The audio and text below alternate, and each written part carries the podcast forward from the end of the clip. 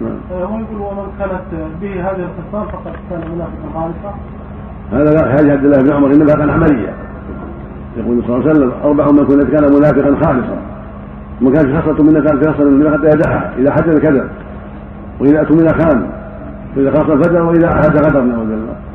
اللفظ الآخر عرفت المنافق ثلاث إذا حدث كذب واذا وعد اخلف وإذا اؤتمن خان نسأل الله العافية. هذه من صفاتهم لكن لا يلزم أن يكون منافقا اعتقاديا.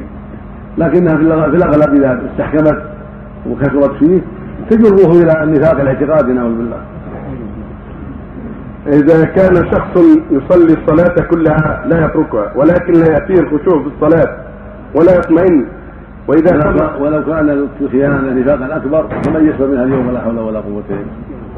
لو كان نفاقا أكبر أو إخلاف الوعد أو كان في الحديث نفاقا أكبر يوجب كفر بالله لكان الأمر خطيرا جدا ولا حول ولا قوة إلا بالله. لكن النفاق مثل ما تقدم نفاقان نفاق عملي ظاهر والنفاق الاعتقادي باطن. فإذا وجد الاعتقادي صار صاحبه كافر كفرا أكبر ومخلدا في النار نعوذ بالله. إذا مات على ذلك.